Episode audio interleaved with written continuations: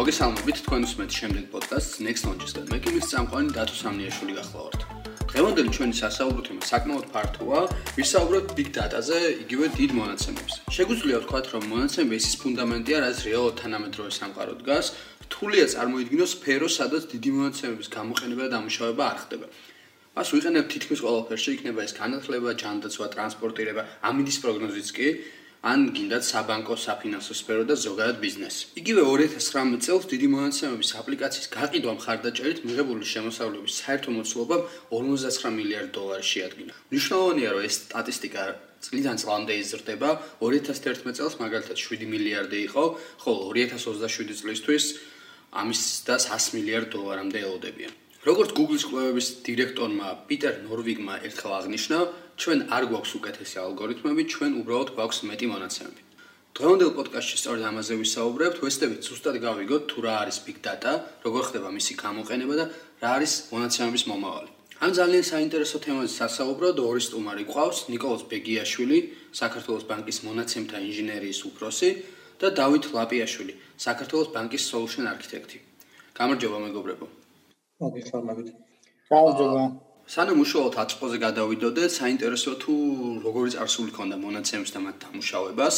აი ამაზე რომ ვისაუბროთ, ანუ ესე თქვა დღეს რა ხდება ამ ხრივ და როგორ დაიწყო ეს big data-s მონაცემების გამოყენება იმ იმ გადმოსახედიდან როგორც ეს დღეს ვიცნობთ ხო ჩვენ მას. მე უყურებ ამ მონაცემების დამუშავების ისტორია შემდეგნაირად რომ თავდაპირველად როდესაც გაჩნდა კომპიუტერები ჩვენ საფარულში და როდესაც დაიწყეს გამოყენება, ძირითადად მაინც ხდებოდა მონაცემების შეკრება აა იმ პროგრამებით, რომელსაც იყენებდნენ ბიზნეს გარემოში. აა ამ პროგრამებში რეალურად იწერებოდა სტრუქტურიზებული ინფორმაცია, ზუსტად იცოდნენ რა რისთვის წერდნენ, ზუსტად იცოდნენ რა დანიშნულებისთვის უნდა გამოეყენებინათ ეს მონაცემები და შესაბამისად საკმაოდ მცირე იყო ის შეგროვებული მონაცემები, რომელსაც ამუშავებდნენ.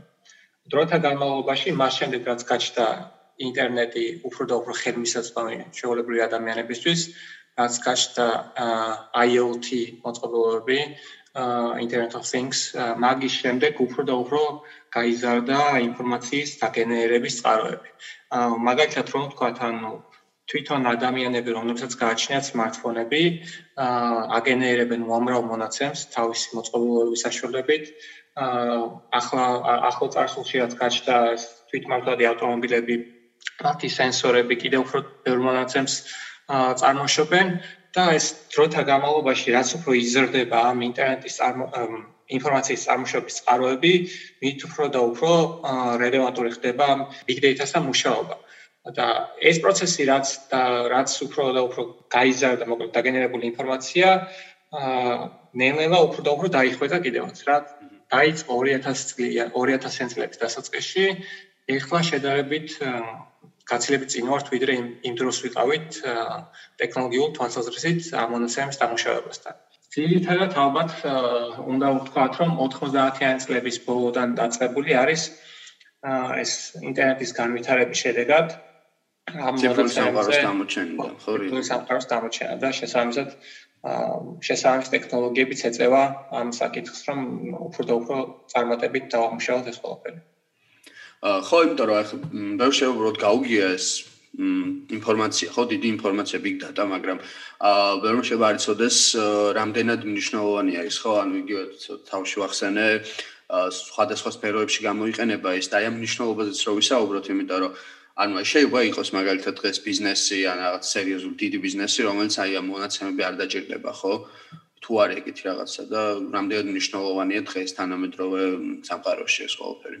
ხო, ზოგადად ბიზნესები, ასე ვთქვათ, აქამდე ისე მუშაობდნენ, რომ მაინც და მაინც ან მონაცემებს შეიძლება არც ეყრდნობოდნენ, შეიძლება დღესაც მუშაობენ ბიზნესები ასეთი მიდგომით, თუმცა ანუ კაცრი ტრენდი და ასე ვთქვათ, პირატესობა არის იმაში რომ ასე ვთქვათ data გამოიყენო ასე ყველა მოწინავე კომპანია რომელიც ლიდერია თავის სფეროში უკვე აუცილებლად იყენებს მონაცემებს და გადაწყვეტილებებს იღებს მონაცემებზე დაყნობით და სულ უფრო და უფრო უჭერთ ამ კომპანიებს რომლებიც data-ს ვერ იყენებენ რომ ბაზარზე ასე ვთქვათ რელევანტური დარჩნენ. უშუალოდ რო big data-ზე გადავიდეთ რაღაც მე ვიცი რომ მაგალითად სამივე ეგრეთ წოდებული სამივე მახასიათებლებია ეს ხო?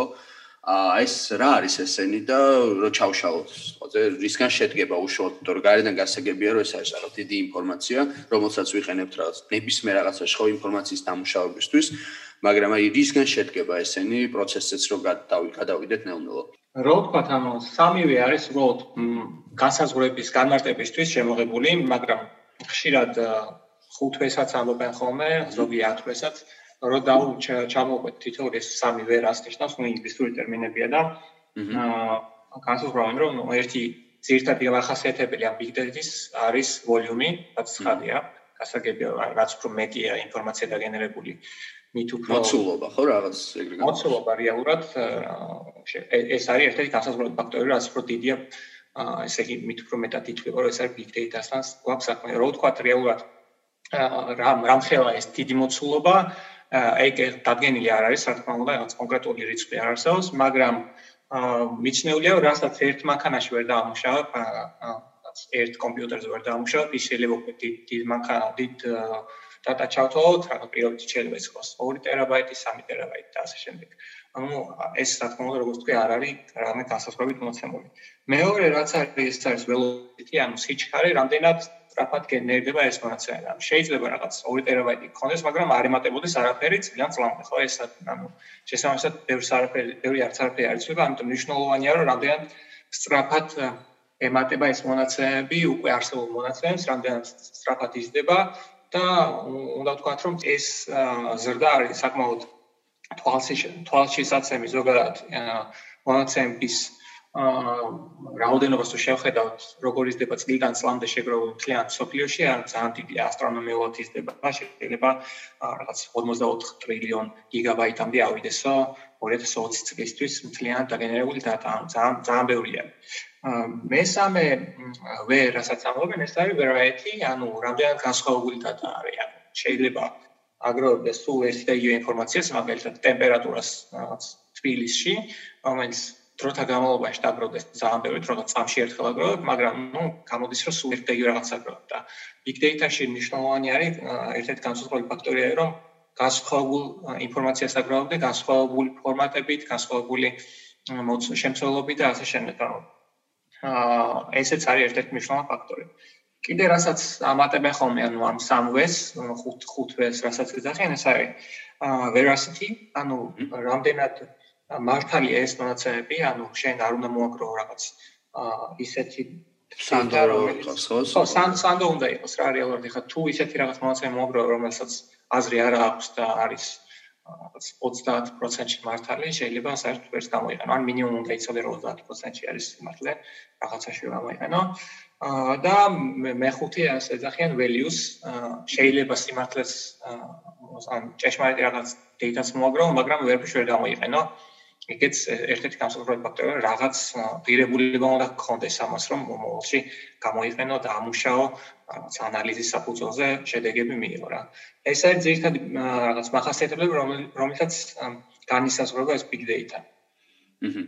ხო, ანუ ეს გასაგებია კი ბატონო და აი მე რამ დამაინტერესა, იცი, ეს პროცესი გარედან გასაგებია, მაგრამ ცოტა შეგიძლიათ ჩავიხედოთ, უშუალოდ როგორ ხდება ამაზე მუშაობა რა, ანუ რას აკეთებთ მაგალითად? თქვენი სამუშაო დღე როგორია რა, საინტერესოა ძალიან. ხო, აა ძირთადად ანუ ხო, მეტ ასე ვთქვათ, ორი სხვადასხვა მხარეა ამ big data-სი, data უფრო ანუ გენერაციის მხარეს არის და მე უფრო ასე ვთქვათ პროცესინგის მხარეს. აა ხო, ჩვენ ხარეს ასე ვთქვათ, აა სხვადასხვა მონაცემთა წყაროებიდან, მათ შორის რაზეც დათამუშავს, აა სხვადასხვა აპლიკაციების, სხვადასხვა ბაზებიდან ხდება მონაცემების მოგროვება ერთ ადგილას და შემდეგ უკვე დამუშავება. ანუ დაახლოებით წარმოვიდგინოთ აა ასე ვთქვათ, არის ახშია big data-ს ადარებენ ხოლმე ნავთობს და რეალურად სამუშაო პროცესიც რაღაცნაირად შეიძლება მიაღწიოს ასე ვთქვათ, კი ნავთობის მოპოვებასაც ანუ რეალურად ასე ვთქვათ, ბევრი ასე ვთქვათ სხვადასხვა მილებიდან ჩვენამდე მოდის ინფორმაცია და ჩვენთან უკვე ხდება ამ ინფორმაციის დამუშავება და ასე ვთქვათ, უკვე ისეთი ფორმატებით შენახვა, რომელთაც რომ რომლისაც შეიძლება უკვე გამოყენება ბიზნეს ინტელიგენციის კუთხით, აა data science-ის კუთხით და კონკრეტული, ასე ვთქვათ, მოგება შეიძლება მოგცეს უკვე მონაცემები. დათა შემხარზე ცხოველ მოგაგონდი.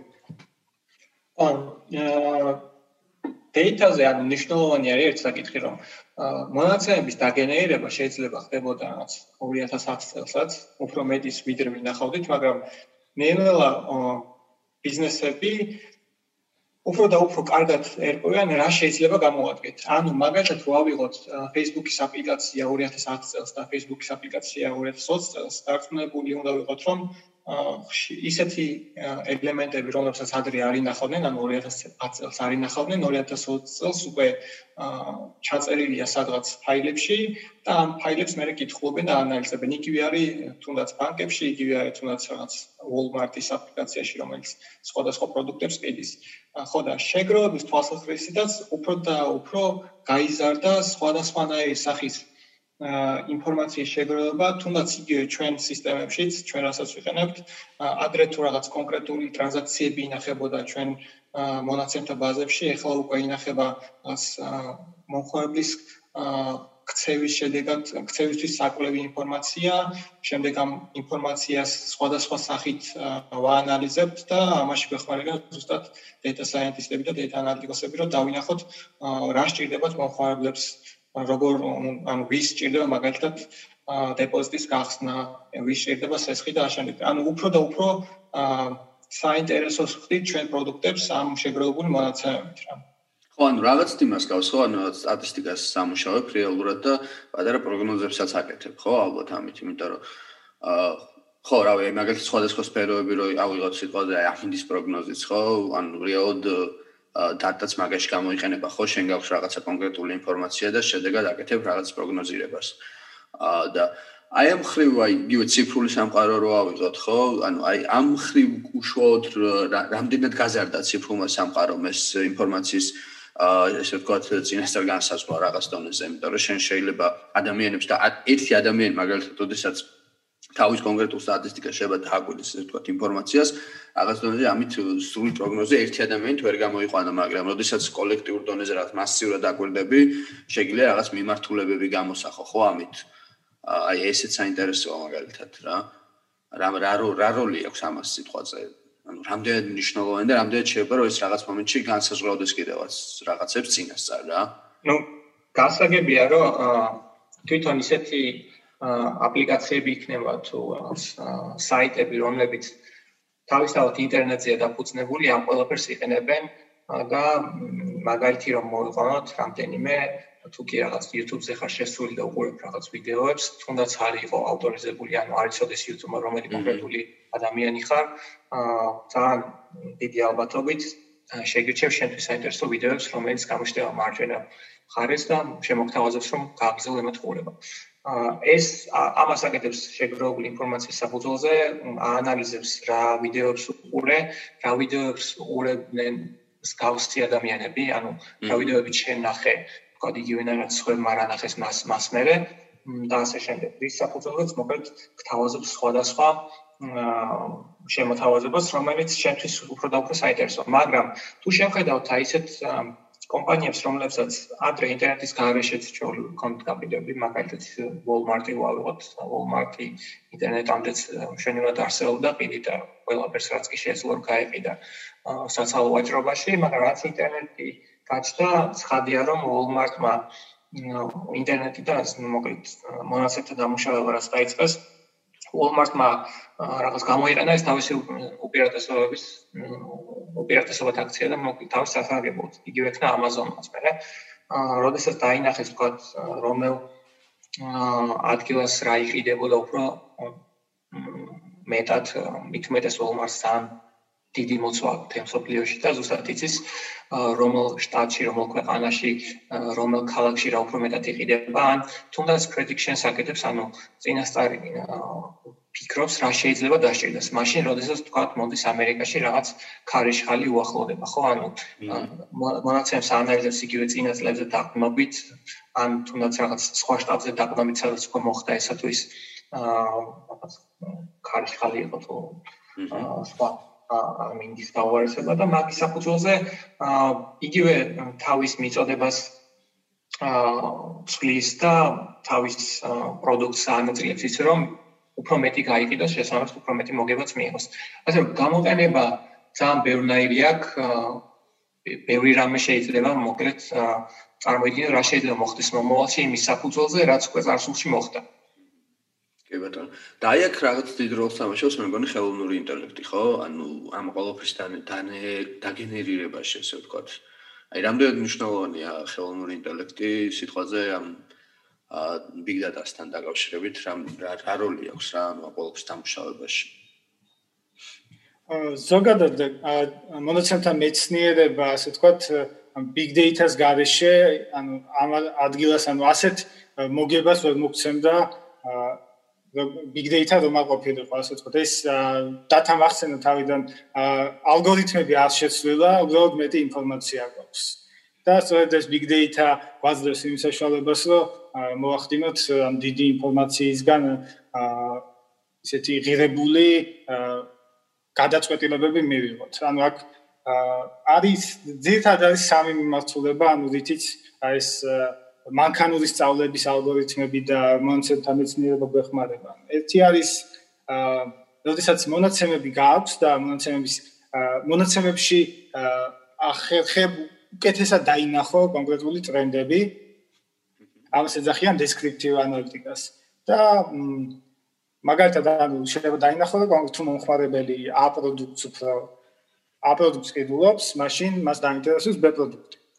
ასევე არის აა როდესაც აკეთებ მომავლის ასე ვთქვათ განჭრედას ანუ პროგნოზირებას. მონაცემთა კი პროგნოზირებას ანუ მონაცემთა მეცნიერების ალგორითმები შეგიძლია ანუ ასე ვთქვათ არსებულ მონაცემებზე დაყნობით უკვე მოახდინო პროგნოზირება როგორ განვითარდება ასე ვთქვათ კონკრეტული ტრენდი და ამის გარდა უკვე კიდე არის ასე ვთქვათ კონკრეტული გადაწყვეტილება რაც უნდა მიიღო მომავალში ესეც კი შეუძლია ასე ვთქვათ მონაცემთა მეცნიერების ალგორითმებს რომ მოგცეს კონკრეტული ასე ვთქვათ შემდეგი ნაბიჯი, რომელიც იქნება ყველაზე წარმატებული, დიდი, ანუ ყველაზე მაღალი ალბათობით. აჰა, გასაგებია.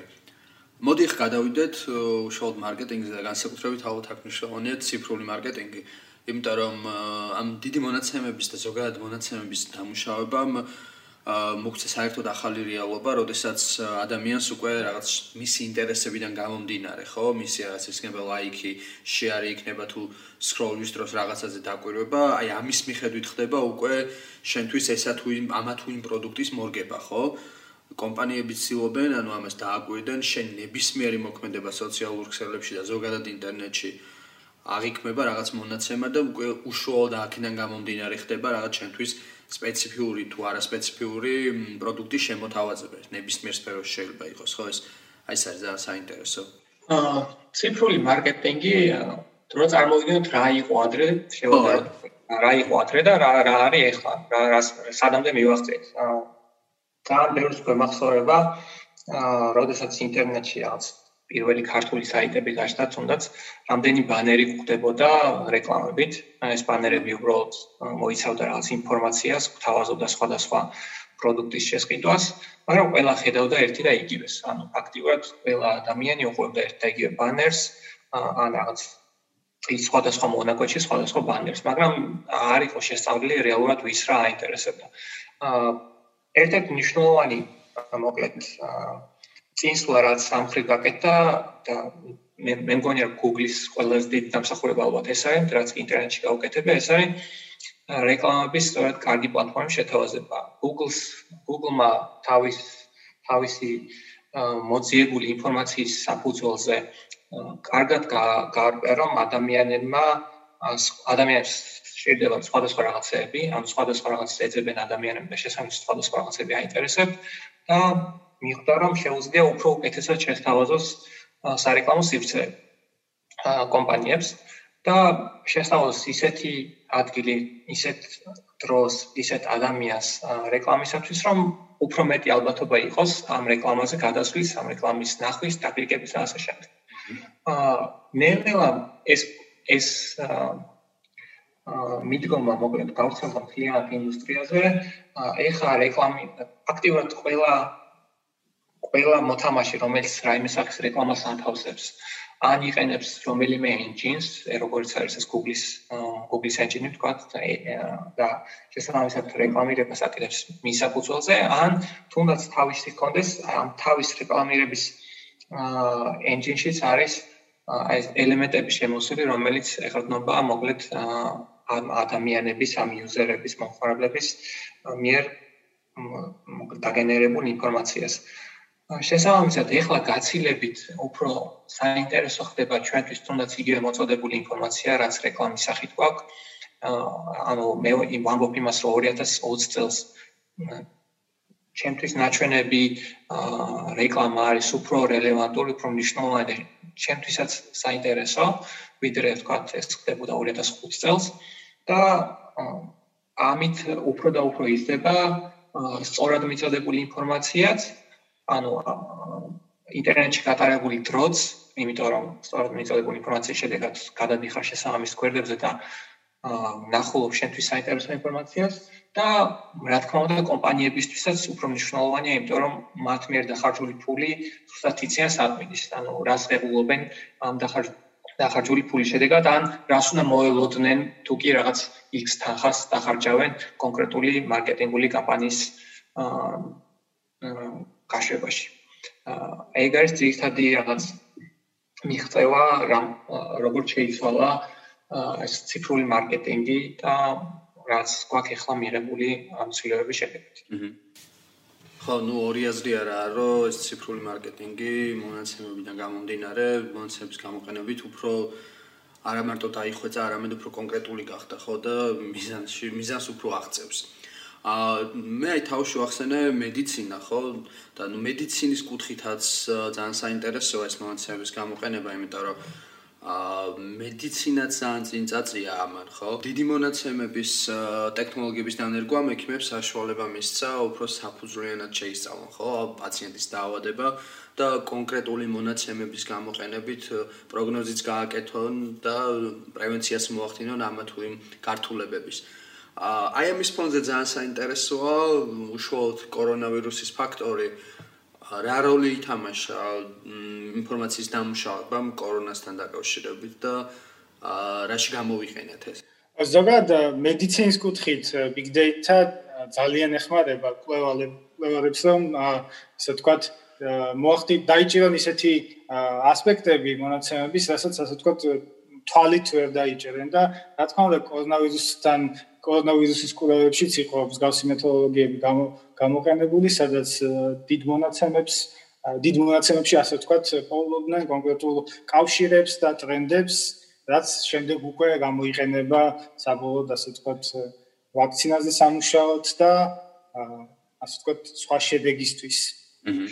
მაგალითად, იგივე რომ ვახსენოთ ახლა Google-ს აქვს ყოველთვიური რეპორტი, ან რეპორტი აქვს მოკლედ დაგენერებული, სადაც ყველა ქვეყანაში აქვს ინფორმაცია, როგორ შემცირდა მობილობა, რომელ ადგილებში გაიზარდა მოკლედ ადამიანების მიმოსვლა, რომელ ადგილებში შემცირდა, რამდენად დიდი გავლენა ჰქონდა, ასე ვთქვათ, ლოკდაუნს სხვადასხვა ქვეყანაში.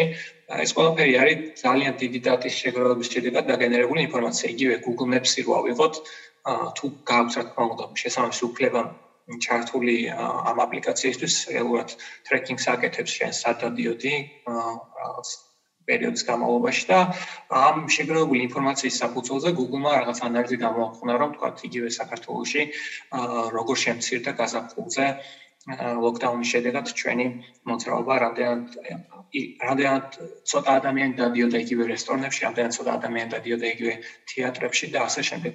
რა რამაც რა თქმა უნდა რაღაც გადაწყვეტილების მიღებაში კონკრეტული გავლენა მოახდინა და თუნდაც იგივე მთავრობებს მისცა საშუალება რომ დაინახათ რამდენად ეფექტურია მათ მიღებული გადაწყვეტილებები. იგივე არის თუნდაც თუ შევხედოთ რაღაც უფრო სტრუქტურიზებული შედარებით მცირე დატა, მაგრამ მაინც რომ შეხვდეთ რაღაც Worldometers არის ესეთ საიტი, სადაც მუდმივად ახლდება ყველა ქვეყნიდან რამდენი არის ინფიცირებული, რამდენი არის არც რა ქვია, რამდენი გაუკეთეს ტესტი, რამდენი ადამიანი გარდაიცვალა, ასე შემდეგ.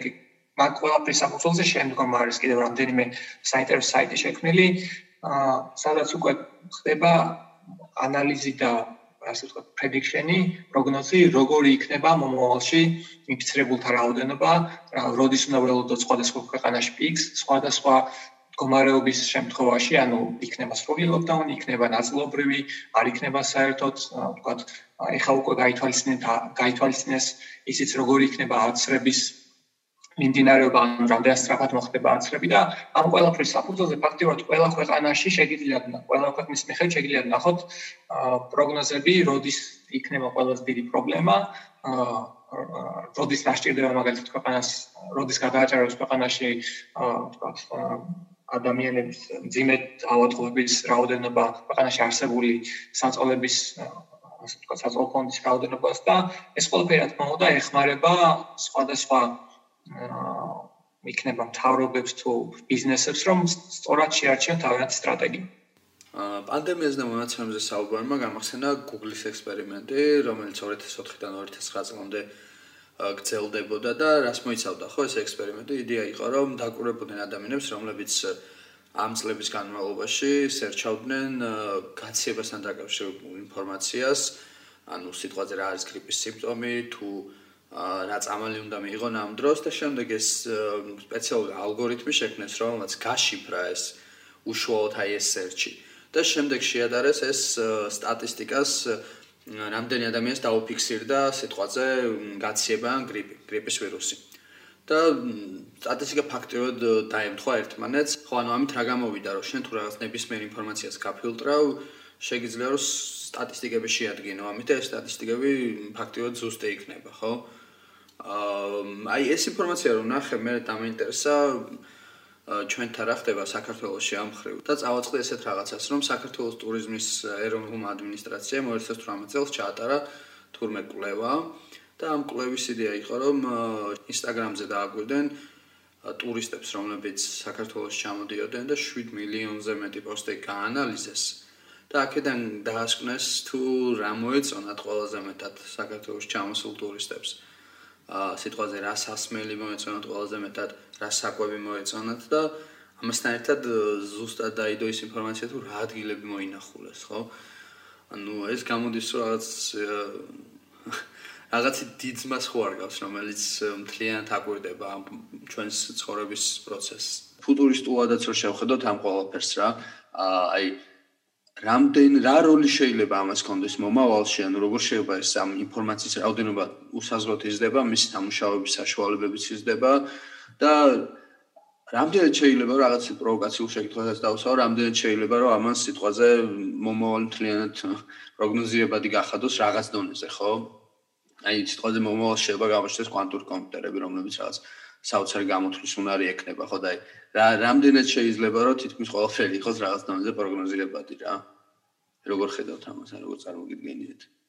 აა ჩემი გადმოსახედიდან აა დღეს ამ ზოგიერთი ასე ვთქვათ პროგნოზი ასე ვთქვათ შეიძლება ასე ვთქვათ შეგეშინდეს ისეთი ასე ვთქვათ კონკრეტულია და მარცხდება ხოლმე. თუმცა ამ ძირეულს ჩაუკვირდე ანუ რეალურად მაინც პროგნოზებია ეს და არა ასე ვთქვათ წინასწარმეტყველება, ასე ვთქვათ, ანუ მასაზე მუშაობ, შეიძლება ვიპროგნოზოთ რაღაცა 2 მილიონი ადამიანი 20%-ით მეც დახარჯავს კონკრეტულ სექტორში, ან გავსი რაღაც, თუმცა ანუ ის რაღაც კონკრეტული ინდივიდუალური ადამიანის შრილში რაღაც პროგნოზები გააკეთო, ეს ასე ვთქვათ, გაცილებით უფრო რთულია. აა თუმცა რადგანაც ასე ვთქვათ, კომპანიები მიდიან იქითკენ რა data driven იყვნენ, ან მონაცემებზე დაფუძნებით აკეთონ გადაწყვეტილებები, ან ჩემ წარმოდგენაში ეს ასე ვთქვათ, მომავალში ვცელდება თითქოს უფრო ადამიანებზეც. ან შეიძლება რომ როგორც კომპანიები აკეთებენ მონაცემებზე დაყრდნობით, ადამიანებსაც შეგვეძლოს გაცილებით უფრო მარტივად მონაცემებზე დაყრდნობით გავაკეთოთ უკვე გადაწყვეტილებები. მაშინ ხო შეჩდება უკვე ის კითხვა, რომ რეალურად ადამიანი მართავს ტექნოლოგია მართავს ადამიანს. ტექნოლოგია მართავს ადამიანს და მან უკვე ეს მორალური საკითხებია, რომ რამდენად შეიძლება რამდენ რა ნაწილი უნდა ანდრო ტექნოლოგია ხო რაღაც ეს რაღაც დეტერმინიზმის თემასაც ამოწევს რაღაც დონეზე რომ რამდენად შეიძლება იყოს რაღაც როგორც რაღაც სიტყვაზე შეგვიძლია განსაზღვროთ ხო რაღაც დედამიწა მზის გარშემო რა პერიოდში გაივლის და როდის გაივლის შეგვიძლია რაღაც დონეზე ადამიანის ესე ვთქვათ, აზროვნება და ხასიათი და არჩევანის განსაზღვრა, ხო, რაღაცნაირად ამ დიდი ინფორმაციის გამოყენებით, ხო? და თუ არა ეს თქვენ პროფესიაში თუ ხვდებით ხოლმე ადამიანებისგან შესაბამისად აი რაღაც ჩიშებს ამის, რომ ყველა ტექნოლოგიის რაღაც სიახლის ადამიანს რაღაც დონეზე ეშინია, ხო? და აი თუ შეხვედრ ხართ ეგეთ შემთხვევებს, რომ აი კონკრეტულად ამ ადამიანს ანას შემდეგ რისი ეშინიათ მოკლედ რა, ოდესაც big data-ზეა საუბარი და აქედან შეგვიძლია ალბათ ის მოვიცოთ თუ არის ამი პრობლემები ამასთან დაკავშირებით. არა არა შიშებთან, არამედ ზოგადად რა რა პრობლემები აქვს დღეს სიტყვაზე big data-ს და რა იქნებოდა კარგი რომ აღმოგვექვს რა ანას გაგვინვით ადებინა უფრო. აი ხა ყველაზე დიდი პრობლემა რაც შეიძლება აქ იყოს, ეს არის ადამიანის უფლებები და ის რომ კომპანიებმა არ მოაგრო ისეთი ინფორმაცია, რაზეც შემდგომ ადამიანებს არ იქნება საშუალება რომ თუნდაც იგივე წაშალონ თავისი ინფორმაცია ხელი არ მიუწვდებოდეთ და ორგანიზაციებმა გამოიყენონ არაკეთილ სენსიერად იგივე გაყიდონ სხვა ორგანიზაციებზე და ასე შემდეგ. ეს ერთ-ერთი მნიშვნელოვანი პრობლემაა, იმიტომ რომ თუნდაც იგივე ჯანდაცვაში დარწმუნებული ვარ, გაცილებით მეტის მიღწევა შეიძლება მეტი ინფორმაციის დამუშავებით, თუმცა ცხადია, რომ ახლა ადამიანების ისტორიის გავრცელება და სხვებისთვის გადაცემა არის ძალიან სახიფათო და არასასუელი, ის შედეგადაც გარკვეულწილად ფეხდება კიდევაც ტექნოლოგიები. რაც სწორიც არის, სანამ არ გვექნება რაღაც სამუშაოს გარემო ისეთი, რომ დაცულები არ იქნებიან ადამიანები.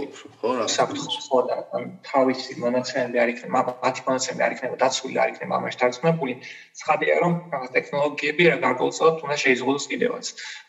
ეს გამოჩნდა ბოლო რამდენიმე წელში განსაკუთრებით ამერიკაში როდესაც მეურჯერ შეხვდებოდით რამდენიმე დიდი კომპანიის წარმომადგენელი, იგივე CEO, როგორც და კონგრესში და საჩოს მარკ ზუკერბერგი. კი, ზუკერბერგიც იყო ის რა ქვია, ჯეფ ბეზოს Amazon-ის, მოკლედ ყველა დიდი კომპანიის Google-ის, Amazon-ის, Microsoft-ის, ყველა დიდი კომპანიის დირექტორი შესაბამის ახსნა განმარტებებს აკეთებდა, რაში იყენებენ მოგროვებულ ინფორმაციას, როგორ აპირებენ რომ დაიცვან ადამიანები ამ მოგროვებული ინფორმაციის ვთქვათ, მესამე პირზე გადაცემისგან და კიდევ ბევრი სხვა ნიუანსი, რომელიც ძალიან მნიშვნელოვანი არის.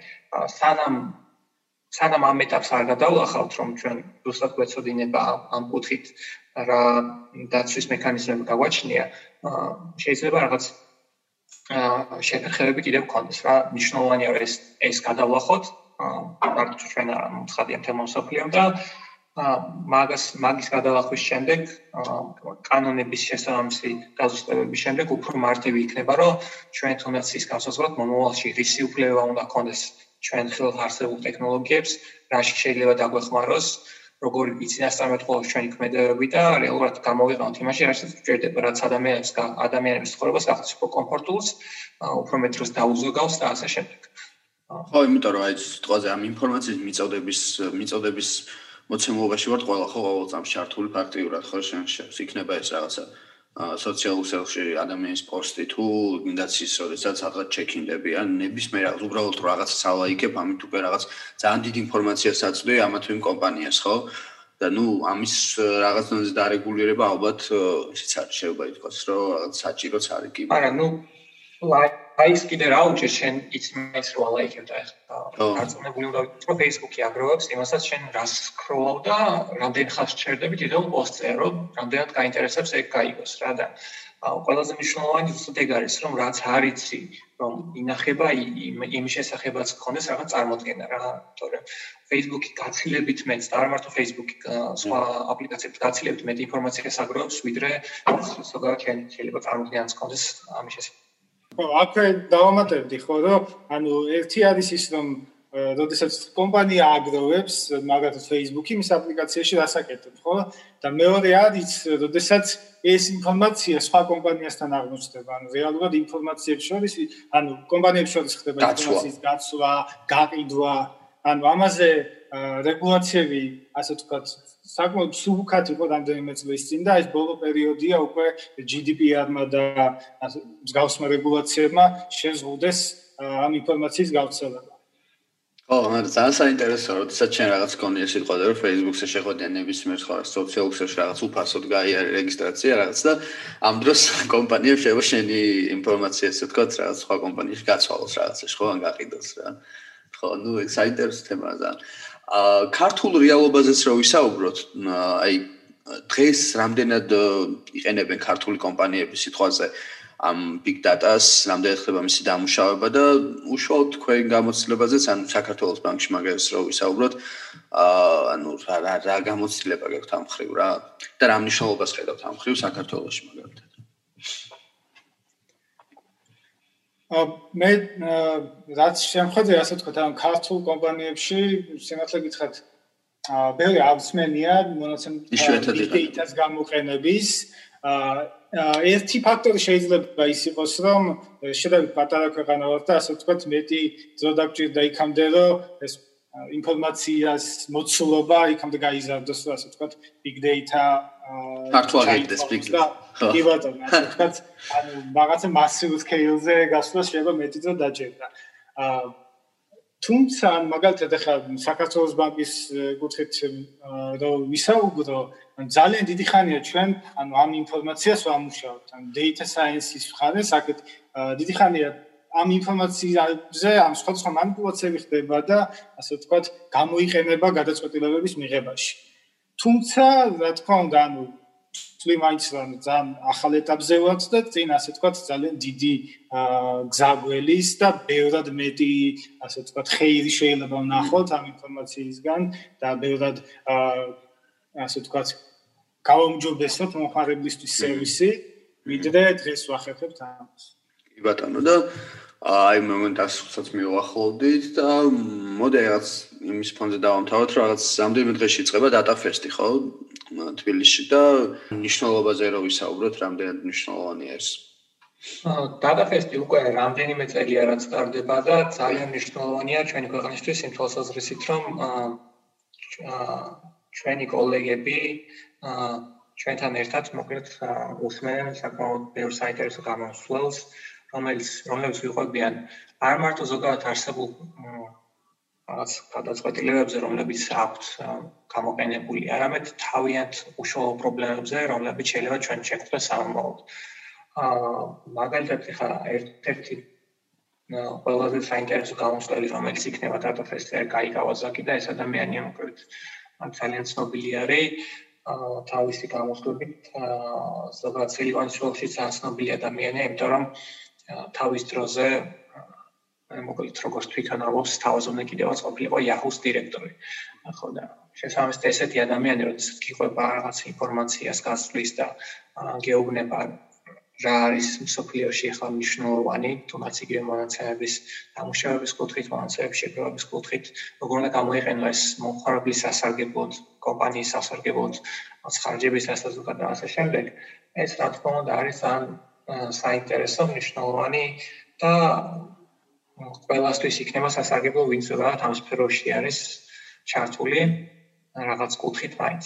ხო, ანუ უბრალოდ შეხებაც რომ მაშინ უშუალოდ შეხება არ ქონდეს, მაგრამ თემა გაინტერესებდეს, იმიტომ რომ შარშა მაგალითად მე ვესწრებოდი და ძალიან ბევრი რაღაც საინტერესო რაღაც გავიგე და ეს რაღაც უშუალოდ შეება data fest იყოს, მაგრამ ისეთ თემებსაც მოიცავდეს ხო, რაც შეიძლება ერთი ერთი შეხედვით სიტყვაზე უშუალოდ data-სთან არ დააკავ, ვერ დააკავშირო რა, მაგრამ აა მაინც აპოლო ჯამში რაღაც ყველაფერს მოიცავს ეს. აა მე თუ მკითხავ ხომ ბიზნესებს თავს ბიზნესების წარმომადგენლებს, თვითონ კომპანიის ხელმძღვანელობას ან მენეჯმენტს ან და ინტერესებს ეს. იმიტომ რომ რეალურად იგებენ როგორ შეიძლება გამოიყენონ ესა თუ ის ხელსაწყო და ეს სამშნოვანია ზოგადად წარმოქმნა მაინც კონდეს რისი შესაძლებლობა გაგაჩნია. ხო, ну დასასრულისგან რა შეგვიძლია ვთქვათ, რომ ადამიანმა დაიწყო ძალიან ცირე ინფორმაციით და მოვიდა უსაზრო დიდი მონაცემებამდე და ადრე თუ სიტყვაზე მართლა თენ მონაცემები შეიძლება ადამიანისთვის ყოფილიყო ის თუ რა ეთყო, რას ეთყო და მას მისი მშობელი. დღეს ეს რიგით ადამიანს აქვს უსაზრო დიდ მონაცემებზე წვდომა და თავში დავნიშნეთ რომ მაგალითად მე-19 საუკუნეში ადამიანს თელი ცხოვრების განმავლობაში რა ინფორმაციაზეც ჰქონდა წვდომა ეხლა თანამედროვე ადამიანს ამ ხელა ინფორმაციის გადამუშავება დაახლოებით ერთ დღეში უწევს ხო და ნუ რა ვიცი ვისურვოთ რომ კიდე უფრო განვითარებული იყოს ტექნოლოგიები რომლებიც ამ მონაცემების დამუშავებას დამუშავებაში დაგვეხმარება იმიტომ რომ ყველაფერი რეალურად მომავალთან არის დაკავშირებული რაც უფრო დიდი მონაცემები გვექნება და რაც უფრო მეტ ინფორმაციას დავამუშავებთ, ჩვენ ცივილიზაცია შეიძლება ითქვას, რომ უფრო განვითარებული იქნება. და მთელი სამყაროც შეგვიძლია ვთქვა, რომ არის მონაცემები, რომელიც დროთა განმავლობაში უნდა გავშიფროთ, ხო? რაღაც ეტაპზე ვართ ახლა და მეტი ვიქონიათ, რომ ეს პროცესი გაგრძელდება. კარგით, მაშინ დაგემშვიდობებით და ძალიან დიდი მადლობა სტუმრობისთვის. კარგად. დიდი მადლობა მოსწრებისთვის. მსმენელსაც დამშვიდობოთ. კარგად. კარგად.